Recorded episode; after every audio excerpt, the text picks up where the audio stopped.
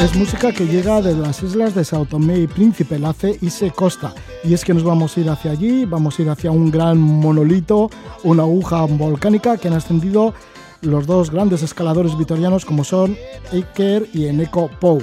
Tenemos la suerte de compartir con Eneko y Iker Pou uno de los pocos momentos que están por Vitoria-Gasteiz. Son unos de los escaladores más inquietos, creativos y de vanguardia que hay en el mundo. Su último proyecto es The North Face Cuatro Elementos. Consiste en trepar cuatro paredes relacionadas con el viento, el agua, el fuego y la tierra. El elemento aire fue en la Patagonia Argentina en febrero de 2017. La Patagonia Argentina, que están muy ligados con ella y la quieren mucho. Bueno, luego el siguiente elemento fue el agua. Se fueron a la Amazonía peruana. Esto fue en julio de 2017. Y el elemento fuego en la selva de Sao Tomé y Príncipe. Dos islas situadas en el Golfo de Guinea, en la línea del Ecuador, o sea que puro trópico. Esto fue en julio de 2018.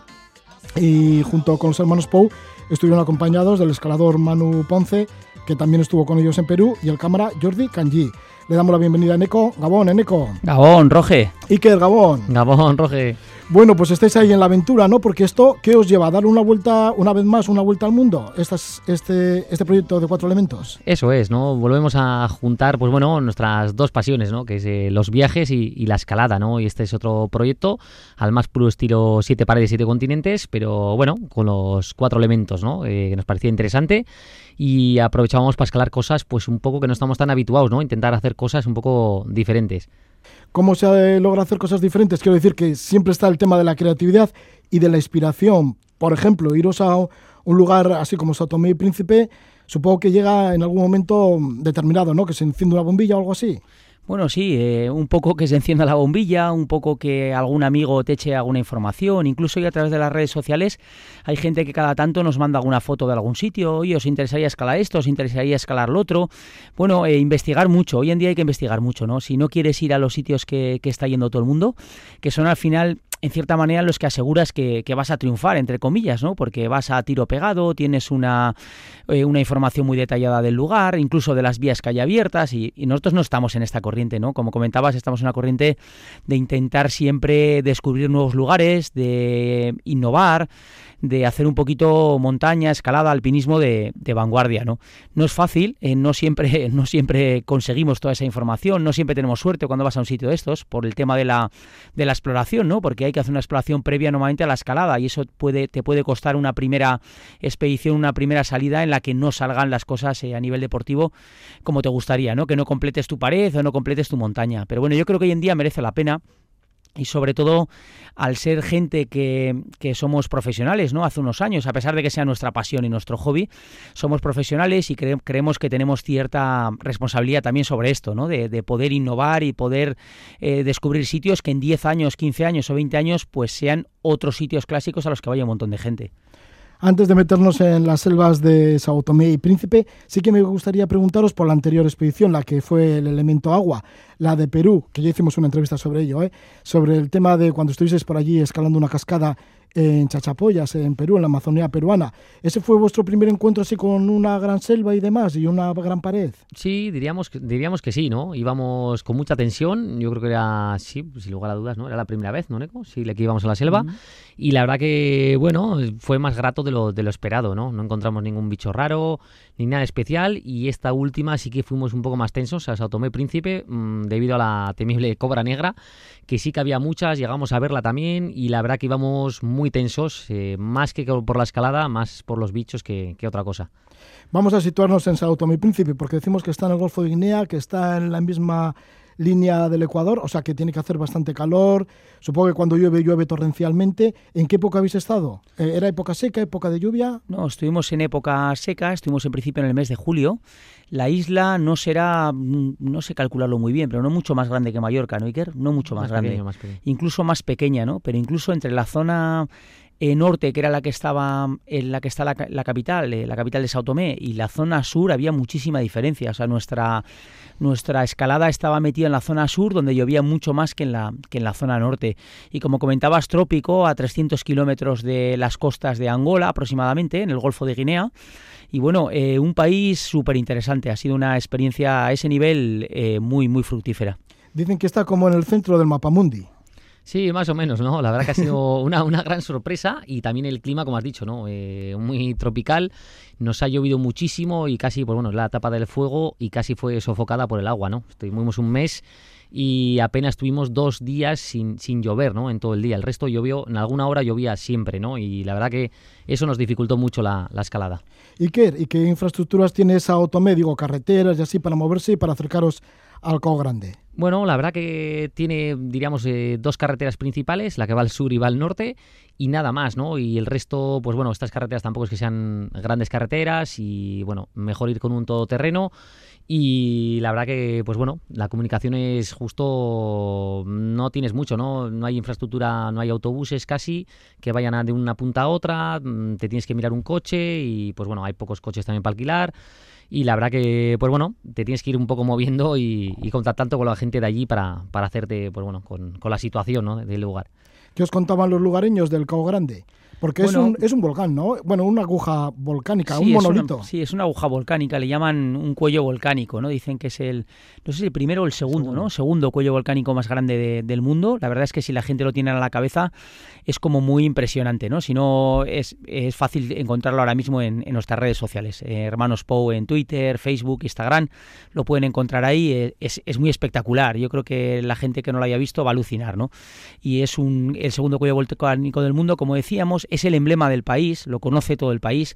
Hay gente que no lo ha visto nunca, porque las infraestructuras de- del país, como decimos, no son, no son muy bestias, ¿no? O sea, son bastante pequeñitas, tiene una carretera que va de norte a sur, pero hay gente pobre también. Eh, la diferencia quizás es que no es gente que se muera de hambre, entonces todo el mundo más o menos puede coger un transporte, pero nos encontramos con mucha gente que lo había visto en fotos, pero no lo conocía, ¿no? Había como una hora y media más o menos desde la capital hasta la, hasta la zona sur para poder verlo. Y, y es como que estaba comentando, es, es muy chulo, muy, muy chulo. Es una historia que llama la atención. Parece más sacado de la película del Señor de los Anillos que de, una, de un paisaje normal. Por eso le, le habéis llamado la Torre Mordor, ¿no? Por lo espectacular y lo impresionante que es. Sí, y también, pues bueno, estaba, la vimos casi todos los días eh, cubierta entre las nieblas, ¿no? Se despejaba un poco, abría, se veía algo, se volvía a tapar con la niebla y la verdad que era un sitio, pues bueno, curioso y aterrador, ¿no? La roca es un poco, pues bueno, muy oscura, volcánica y la verdad que, pues bueno, ya que había hecho tantos días mm, con poco, no ha hecho sol, pues la verdad que era un sitio tétrico, húmedo y que no paraba de llover y la verdad que se nos hizo un poco cuesta arriba. ¿Cómo se llega hasta ella, hasta la base de esta torre? Del Bueno, se llega, se llega con lo que comentamos, como una hora y media de carretera desde la capital. Nosotros decidimos quedarnos en la capital porque teníamos un poco más de infraestructura de cara a poder cargar baterías de las cámaras y bueno, todo el segundo trabajo este que hay que hacer, ¿no? Además de, de escalar, ¿no? Para después comunicarlo y que, y que todos podáis ver, eh, ver esas imágenes. Entonces, al final decidimos capital, teníamos hora y media, después teníamos como unos 45 minutos de, de todo terreno y después una hora y media de, de pateo en la de, de andar en la selva, ¿no? La verdad es que el pateo era mucho más corto de lo que pensamos en un primer momento, pero bueno, al ser selva cerrada impresionaba mucho y como comentaba Iker, la posibilidad sobre todo del tema de la, de la cobra negra, una serpiente para la que no hay, no hay remedio, pues eh, nos impresionaba muchísimo, nos ponía mucho, mucho las pilas. En vuestro vídeo se ve una cobra negra, o sea que sí disteis con alguna de ellas, o os apareció por allí. Sí, sí, sí, nos apareció, pues bueno, justo en nuestro caso íbamos con Manu, que era el, el chico que nos acompañaba, nuestro amigo, y justo a él estuvo a punto de, de pisarla y todo, ¿no? Le cruzó y la verdad que un susto tremendo porque no se fue muy lejos, ¿no? La cobra y tuvimos que salir nosotros corriendo, ¿no? De allí, estamos en su territorio y, y había que salir de allí. ¿Qué sucede si te pica la cobra negra? Bueno, pues eh, que, te vas, que te vas al otro barrio, ¿no? Vamos a utilizar una metáfora así un poquito por lo menos divertida, ¿no? ¿En poco tiempo? Eh, sí, creo que no duras, me parece que cuatro minutos, una cosa así. O sea, no tienes eh, tiempo de reacción en el monte para llegar a ningún lado. Y además es que no tienen, eh, por lo que estuvimos investigando, no tienen antídoto en los hospitales. Entonces, eh, si te pica la, la cobra, no tienes posibilidad. Entonces, eh, la gente de allí incluso que da un poquito de pena, ¿no? Porque al final es un animal. nosotros al final no, no- no- nunca matamos, ¿no? A no ser que sea absolutamente necesario, ¿no? Y la gente de allí, de la base de la aguja, se cargaban todas las que podían al cabo del año. Eh, nos dijeron que, de media, con los portadores que nos echaron una mano, estuvieron 5 o 6, nos dijeron que de media, pues una persona normal que trabajase, hay una, hay una plantación justo debajo de, de caña, y nos dijeron que, que, bueno que mataban de media 12, 12 al, al, año, ¿no? O sea, una auténtica, una auténtica barbaridad. O sea que, que a ver, hay muchas, ¿no? Pero bueno, también es verdad que picaban poca gente, ¿no? Ellos viendo cómo vivían también las chabolas debajo, con los chavales jugando por allí por toda, por toda la zona, pues es normal, ¿no? Que las matasen, porque si le metía un picotazo a cualquiera de los niños que estaban allí, no iban a sobrevivir, un niño aún menos, ¿no? Eh, no, no, tenían capacidad para, para combatirlas, ¿no? Entonces lo que hacían era matarlas. Nos daba un poco pena, pero realmente es un animal muy, muy peligroso. ¿Qué se hace para ahuyentar a las cobras cuando vais a ir por allí por la selva, que no tenéis más remedio que cruzarlo para llegar al, pues, al, al, al, campo base de la pared? Pues nosotros eh, ya nos dijeron, pues bueno, meter ruido, ¿no? Porque ellas, ellas huyen, ¿no? Tampoco son bichos que ataquen y ellas intentan salir corriendo, ¿no? Pero bueno, ir metiendo ruido, íbamos siempre con, con bastones, palos y hasta un machete y íbamos, pues bueno, cantando, metiendo ruido para que, bueno, para que no, para que no apareciera nuestro paso. En ningún momento lo superamos esto, ¿no? Porque a final de expedición estábamos más tranquilos, nosotros teníamos el campo base justo en la base de la pared y la selva la teníamos, lo que es el, la base de la pared estaba limpia, ¿no? Unos dos metros limpios, con tierra, por decir una manera. De dos metros hacia allí nos teníamos que internar en la selva, por ejemplo, para ir al baño, ¿no? E incluso al final de la expedición salíamos con las botas de altas, con las botas de goma, que utilizan allí para, para combatir un poquito la, la, posibilidad de las picaduras, que tener la suerte de que te pique por debajo de la rodilla, ¿no? Cuanto más grande seas, pues mejor, ¿no? Porque menos se va a levantar la, la cobra, más posibilidades de que te pique por debajo de la rodilla, ¿no? Íbamos con estas botas todo el rato al baño y además íbamos eh, con el machete dando golpes en los árboles para que sonase y cantando. O sea que imaginaos lo superado que lo teníamos un mes después. En ningún momento superamos el miedo al, al bicho este. Así que es un engorro esto ya solamente ir al baño. Sí, sí, sí, era toda una operación, ¿no? Cuando te levantas a la noche, encima todo oscuro, a la noche hay muchísimo ruido en la selva y la verdad que íbamos muy tensos, ¿no? Con las frontales, mirando a todos los lados, metiendo ruido y la verdad que, que costaba. ¿Os llovió mucho también, aparte de la niebla? Sí, nos llovió mucho. Eh. Como comentaba Iker, a punto estuvimos de no hacer nada, porque tuvimos la suerte de que los 400 metros de pared verticales, eh, suerte entre comillas, ¿no? Los, primeros eh, 100, ciento y pico eran totalmente extraplomados, muy exagerado además. Entonces utilizamos todos los primeros días de expedición para, primero, eh, teníamos una vía inglesa que no se había escalado en libre, en el estilo este así vanguardista, y queríamos intentar hacerla en libre por primera vez, ¿no? Y todos los largos difíciles de esta ruta estaban en esos primeros ciento y pico metros. Entonces nos dedicamos algunos días a, a intentar escalar en libre la ruta esta, mientras nosotros a la derecha de esta ruta, unos metros a la derecha, y abríamos la nuestra, una, una ruta nueva, ¿no? que ahora, ahora, mismo es la más difícil de, del pico. ¿no? Entonces, estábamos haciendo este trabajo a la vez todo el rato debajo del desplome. Y solo tuvimos dos días que no llovió, que fueron los días, dos días que hicimos cumbre por la ruta inglesa y acabamos de abrir la nuestra, la nuestra hasta arriba, ¿no? en días maratonianos de estos de por encima de 15 horas, me parece que fueron. O sea, palizas muy importantes y con, y con encima con la roca todavía muy húmeda, mojada en algunos sitios. Tuvimos que apurar mucho para, para conseguir hacer cumbre en esas dos ocasiones. Sí, fueron 14 horas de escalada en esta ruta que estuvo empapada, ¿no? Por lo que estáis comentando. Incluso algunas veces creo que tuvisteis que seguir alguna cascada de agua. Sí, eso es, ¿no? La verdad que fue, fue realmente difícil porque ahí había largos y, pues bueno, largas tiradas que nos caían hasta cascada encima, ¿no? Íbamos totalmente empapados de arriba abajo, la roca mojada, con lo que suponía la roca volcánica esta, era muy adherente cuando estaba seca, que lo vimos seca muy pocas veces, pero cuando estaba húmeda era como una charca de, de ranas, ¿no? Patinaba muchísimo, tenía como verdín a cachos y la verdad que se hizo mucho más complicado de lo que nos esperábamos en un primer momento. Inclusive por lo que se ve en el vídeo que se adelanta un poquito vuestra expedición, las imágenes de vuestra expedición allí en Sao Tomé y Príncipe, bueno, algunas veces agarrabais la roca y se caía, ¿no? Teníais que tirar trozos de roca. sí, era un poquito descompuesta pasamos tensión, además de lo que comentábamos antes, pues todo el tema de los animales, sobre todo la cobra negra, luego lo que es la escalada técnica en sí, la aguja era estéticamente preciosa, pero tenía muchas zonas descompuestas, ¿no? Entonces eh, nos estaba dando todo el rato muchos problemas, porque eh, que tenga una zona descompuesta quiere decir que te puedes caer con los bloques, pero aún es peor para la persona que viene por debajo, ¿no? En este caso las personas que veníamos por, por debajo, ¿no? Estábamos Iker, yo y estaba Manu Ponce, ¿no? Eh, un escalador murciano que es muy amigo y que nos está acompañando en este proyecto cuatro elementos, ¿no? Entonces eh, había dos personas por debajo en, la- en el caso de la caída de bloques y eso era muy peligroso. Y además teníamos a Jordi Cañigueral, ¿no? A nuestro cámara habitual en la base grabando, ¿no? Entonces teníamos que andar con mucha, cu- mucho cuidado. Hubo mucha tensión con este tema, con las cuerdas incluso, nos reventó alguna cuerda, eh, la caída de piedras y todo el rato con la tensión metida en el, en el cuerpo. Mucha tensión, ¿os daba tiempo para entreteneros viendo el paisaje? Porque estabais por encima de la selva. Bueno, la verdad que cuando estábamos por encima era precioso, ¿no? El paisaje increíble, veíamos la costa muy cerca y la verdad que muy, muy, muy bonito, impresionante, ¿no? Parecía Jurassic Park o algo así sacado de la película. Pero bueno, luego cuando estamos abajo era muy también un poco desolador, ¿no? Estábamos encerrados en la selva, muy poca luz y mucho ruido, ¿no? Y mucho ruido de, de todos los bichos que había, de todos los animales. Y la verdad que a veces era un poco ensordecedor y bueno, y te sobrecogía, ¿no? Estabas ahí metido y te hacías cada vez más pequeño ahí, debajo de la selva. ¿Cómo fue la llegada a la cima? Después de esos 450 metros, 14 horas de escalada. Bueno, pues eh, muy emocionante, muy, muy emocionante. Una cima típica también, porque claro, tú ves la foto del, del sitio y es una aguja de 400 metros perfecta, pero tiene, tiene vegetación arriba. Entonces, cuando llegamos arriba pensamos que esa vegetación iba a ser más pequeña, pero la vegetación es tan, tan, tan grande que a pesar de estar en una aguja perfecta de 400 metros, muy vertical, y que, la cumbre tampoco era súper grande, ¿no? Pues eh, no conseguíamos ver el suelo.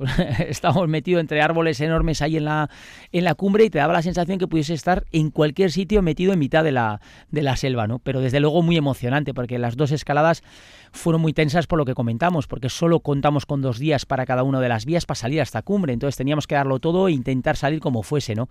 Eh, rapelamos las dos vías totalmente de noche, lo dimos todo, eh, la roca estaba, estaba mojada, entonces emocionante, pero, pero escaladas de esas intensas, pues que consigues al final realizar, porque llevas muchos años en esto, tienes mucha experiencia, tienes la, la cabeza a nivel psicológico muy blindada y sabes que, que, bueno, que te puedes permitir una, una, un descenso totalmente, totalmente de noche, aunque sean un montón de horas, ¿no? De otra manera, probablemente al principio de nuestra carrera, este tipo de escaladas, eh, con las condiciones que tuvimos y solo esos dos días para, para conseguir la cumbre, pues probablemente no las habríamos realizado.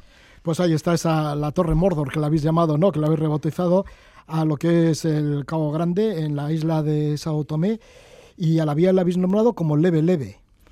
Sí, bueno, es el, el lema nacional, ¿no? Diríamos del país, eh, leve, leve, que quiere decir como mm, despacio, despacio, tranquilo, tranquilo, que es el ritmo que lleva más o menos la, la isla, ¿no? Siempre que teníamos un poco prisa por hacer algo o demás, siempre nos decían lo mismo, ¿no? Perdón, bueno, leve, leve. Todo el mundo nos decía leve, leve, ¿no? De ir tranquilos, tranquilos, que aquí no hay prisa, ¿no? Y la verdad que así el nombre estaba claro desde el principio. Antes de que la abriríamos, mm, ya dijimos si la si la hacemos, la vía se va a llamar leve, leve seguro.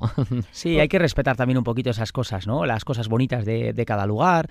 Nos hizo gracia, además, ¿no? Viniendo ahora de lo que es el mundo occidental, ¿no? A la velocidad que vamos, que hay que hacer 250.000 cosas en el día, ¿no? Cómo se tomaban ellos un poquito la, la, vida, ¿no? Casi en plan, en plan caribeño, ¿no? Esta es otra, otra de las eh, características un poquito del país, ¿no? Pero hay, hay muchas otras que nos sorprendieron para, para bien, ¿no? Sobre todo la tranquilidad, una seguridad eh, total vimos prácticamente ningún blanco durante todo nuestro mes, muy poquitos, y los que veíamos eran siempre los mismos, además los mismos que nos habíamos encontrado en el avión, ¿no? Vuelan muy pocos aviones todavía.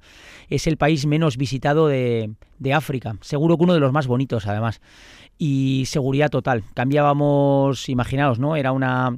Teníamos que hacer una producción de tele, íbamos cuatro personas y querido tenemos que pagar a nivel de producción muchas veces muchas cosas y llegábamos a cambiar, pues igual hasta, no sé qué decirte, casi mil euros eh, un día a la una de la madrugada en mitad de una calle que estaba totalmente oscura, ¿no? Y cambiabas esos mil euros en la calle, desde el coche, sin ningún problema, ¿no?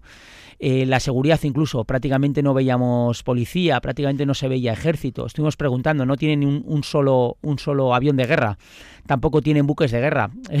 o sea, es, un, es una historia como muy, muy auténtica y la gente súper alegre, gente muy simpática. La verdad es que un país de esos irrepetibles un pequeño paraíso así en el centro del mapa mundi. Quizá, ¿no? Digo, porque ya solo pues la zona así tropical, el Ecuador, que todo crece exuberante, con gente tranquila y sí, pacífica. La verdad que una maravilla, ¿eh? Y la gente, como hemos dicho, encantadora, ¿no? La gente que nos hemos encontrado muy amable, muy simpáticos, con ganas de ayudar y la verdad que nos, nos ha encantado, ¿no? ¿no? ¿no? lo conocíamos, para nosotros era un gran desconocido y para mucha gente yo creo que es un sitio que hay que, que hay que visitar, si se puede ir, es un, un gran un gran destino. Bueno, la selva, la selva preciosa, pero es que había playas en plan caribeño de esas que están llenas de gente, que estábamos nosotros solos en 15 kilómetros de playas con las palmeras en el, en el mismo borde del agua, ¿no? Algo como muy real, muy, muy alucinante. La gente del lugar que os decía cuando habíais subido a la cima del Cao Grande, que ya habéis dicho que es todo un símbolo para la gente de Sao Tomé y Príncipe, ¿qué os comentaba? Bueno, pues al- alucinaban un poco, ¿no? Le- les hacía ilusión. Imagínate que, bueno, los billetes antiguos de que tienen eh, allí, no los da ahora justo, pues tienen el, el emblema, es el, el Grande, ¿no? La, la figura del Cao Grande. Entonces les chocaba mucho, alucinaban un poco que por ahí se, bueno, que se podría subir al, al Cao Grande, ¿no? Y, bueno, el- la verdad que, bueno, se, divertían mucho. Cuando les decíamos que subíamos, al principio, como no subíamos y lo intentábamos, pues yo creo que se reían más, ¿no? Dice, joder, estos han venido, pero no, no se están subiendo, ¿no? Pero al final ya subimos y luego ya, pues bueno, eh, grandes celebraciones y la verdad que todo el mundo contento. Estamos con Eneco y Kerpou, que han escalado el Cao Grande, una aguja volcánica en Sao Tomé. En este archipiélago de Sao Tomé y Príncipe, el primer elemento fue aire, fuego, eh, fue aire, que fue en la Patagonia, Argentina, en febrero de 2017. Luego continuaron por la Amazonía peruana, peruana y fue el elemento agua, esto en julio de 2017. Un año después, julio de 2018, pues han conseguido el elemento fuego en la selva de Sao Tomé y Príncipe. ¿Y cuál va a ser el cuarto elemento, que será el de tierra? Bueno, pues ahí andamos, ahí andamos por lo que decíamos antes, pues realmente todavía ni lo sabemos, ¿no? Por el tema de, de que no nos gusta eh, cerrar un proyecto de este estilo como el de, North Face 4 Elementos, este proyecto que estamos haciendo ahora, con mucha antelación, ¿no? Porque no nos permitiría, en caso de que encontremos cosas eh, muy chulas, muy vanguardistas, muy eh, diferentes, pues no nos permitiría poder hacerla, ¿no? Si lo hemos anunciado con muchos años de diferencia.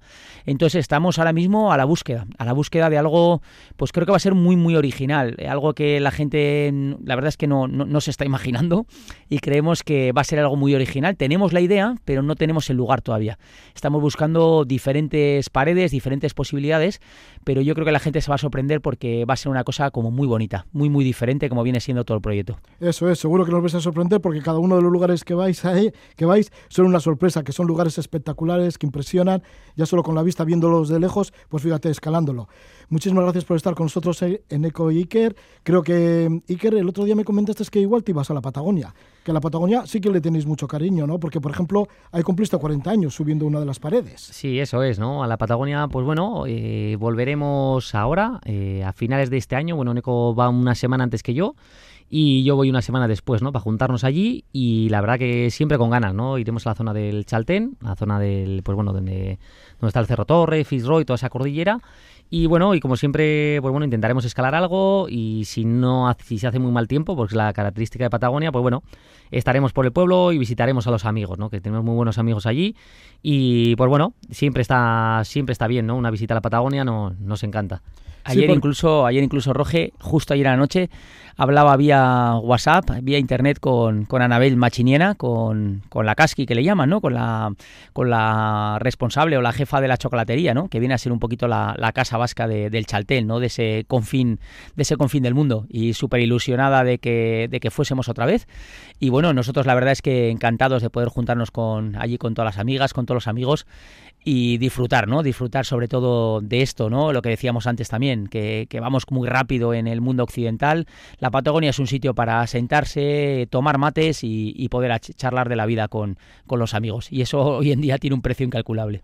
Pues que vaya todo muy bien, que os lo paséis bien ahí en el Chaltén con vuestros grandes amigos y amigas y, y que vaya todo muy bien. Gracias por venir, Iker y Eneco Pou. Nada, es que ricasco, Es que ricasco soy Roge, vaya gur.